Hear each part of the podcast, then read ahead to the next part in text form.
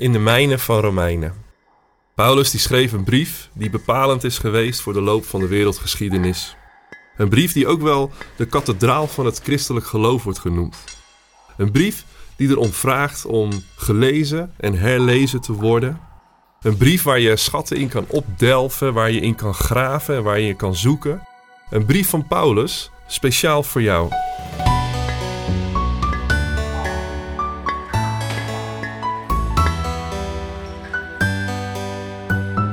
We gaan in deze podcast mijnen in Romeinen.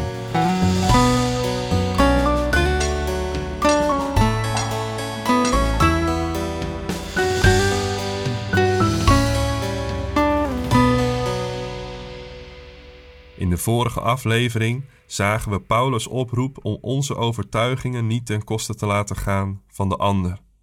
En vandaag lezen we verder over dit onderwerp in Romeinen 15 vanaf vers 1 tot en met vers 13. Wij de sterken moeten de zwakken in hun kwetsbaarheid helpen en niet ons eigen belang dienen. Laat ieder van ons zich richten op het belang van de ander, op wat goed en opbouwend voor hem is. Ook Christus zocht niet zijn eigen belang. Integendeel, er staat geschreven: De smaad van wie u smaadt is op mij neergekomen. Alles wat vroeger is geschreven, is geschreven om ons te onderwijzen, opdat wij door te volharden en door troost te putten uit de schriften zouden blijven hopen. Mogen God, die ons doet volharden en ons troost geeft, u de eensgezindheid geven die Christus Jezus van ons vraagt. Dan zult u eendrachtig en eenstemmig lof brengen aan de God en Vader van onze Heer Jezus Christus. Aanvaard elkaar daarom ter ere van God, zoals Christus u heeft aanvaard. Ik bedoel dit. Christus is als een dienaar van de Joden geworden om hun te tonen dat God trouw is en om de belofte aan de aartsvaders te vervullen. Maar hij is ook gekomen om de heidenen in staat te stellen God te loven om zijn barmhartigheid, zoals geschreven staat: Daarom zal ik u prijzen onder de heidenen, psalm zingen ter ere van uw naam. En verder staat er: Verheug uw heidenen samen met zijn volk. En er staat ook: Loof de Heer, alle heidenen, prijs hem, alle volken. En verder zegt Jezaja: Isaï zal een telg voortbrengen. Hij die komt om over de heidenen te heersen, op hem zullen zij hun hoop vestigen. Mogen God, die ons hoop geeft, u in het geloof geheel en al vervullen met vreugde en vrede, zodat uw hoop overvloedig zal zijn door de kracht van de Heilige Geest.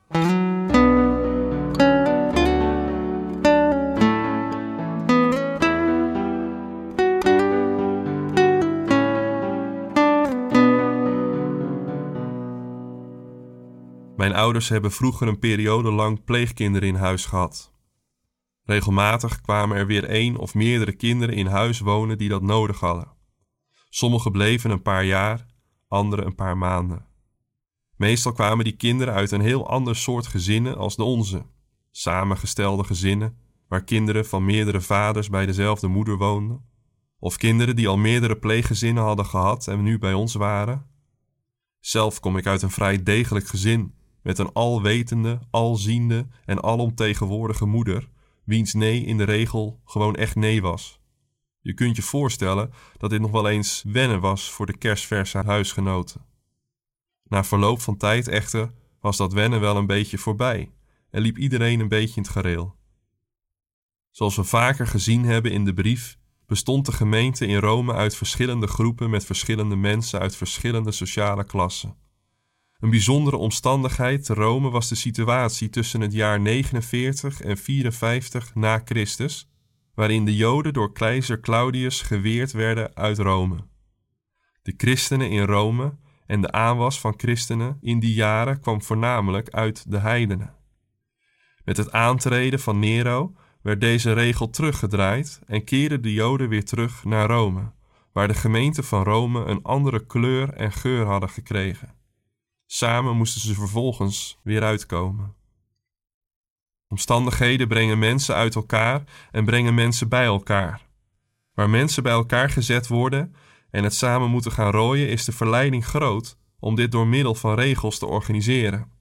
En dat kan zeker in het begin enorm helpen om te groeien in het vertrouwen van elkaar. Maar waar de volwassenheid toeneemt in de groep, zal ook de beperking van de regels in beeld komen. Het is het moment waarop onderliggende waarde de functie van regels gaat vervangen, waar blinde gehoorzaamheid plaats maakt voor verantwoordelijkheid. In het boek Verlangen naar het Goede spreekt Patrick Nullens in dit verband over het ijsbergmodel. De top van de ijsberg bestaat uit de concrete geboden en regels. Onder water vindt men de waarden. De waarden zijn vervolgens weer gestoeld op een dragend principe.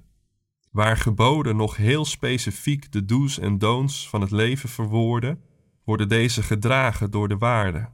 Waarden geven aan hoe de dingen zouden moeten zijn. De waarde rust vervolgens op het principe.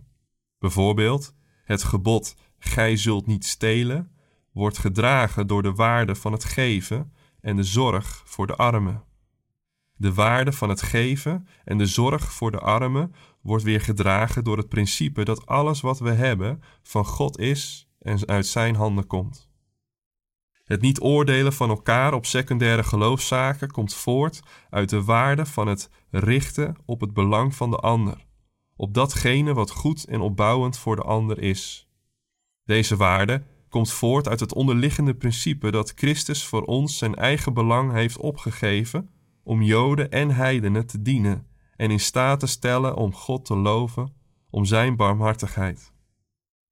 Paulus zoekt met zijn aansporingen dus de diepere laag om onderlinge verwijdering op basis van de verschillen van inzicht over de top van de ijsberg te voorkomen.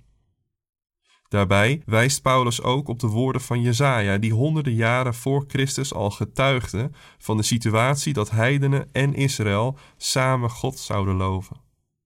Onderlinge verdeeldheid zou als het ware een streep trekken door deze profetieën die Paulus aanhaalt. Dit mocht en kon volgens Paulus niet gebeuren. Ook in de kerk kan het soms behulpzaam zijn om naar het voorbeeld van Paulus op weg te gaan naar de onderliggende waarden onder de regels en vormen en tradities die we hebben. Om daar vandaan opnieuw te kijken hoe deze waarden het beste zichtbaar worden in de tijd waarin we leven. Laten we ons dan niet verliezen in een strijd om de top van de ijsberg. Want dat gaat direct ten koste aan de gemeenschappelijke lof aan God om Zijn barmhartigheid.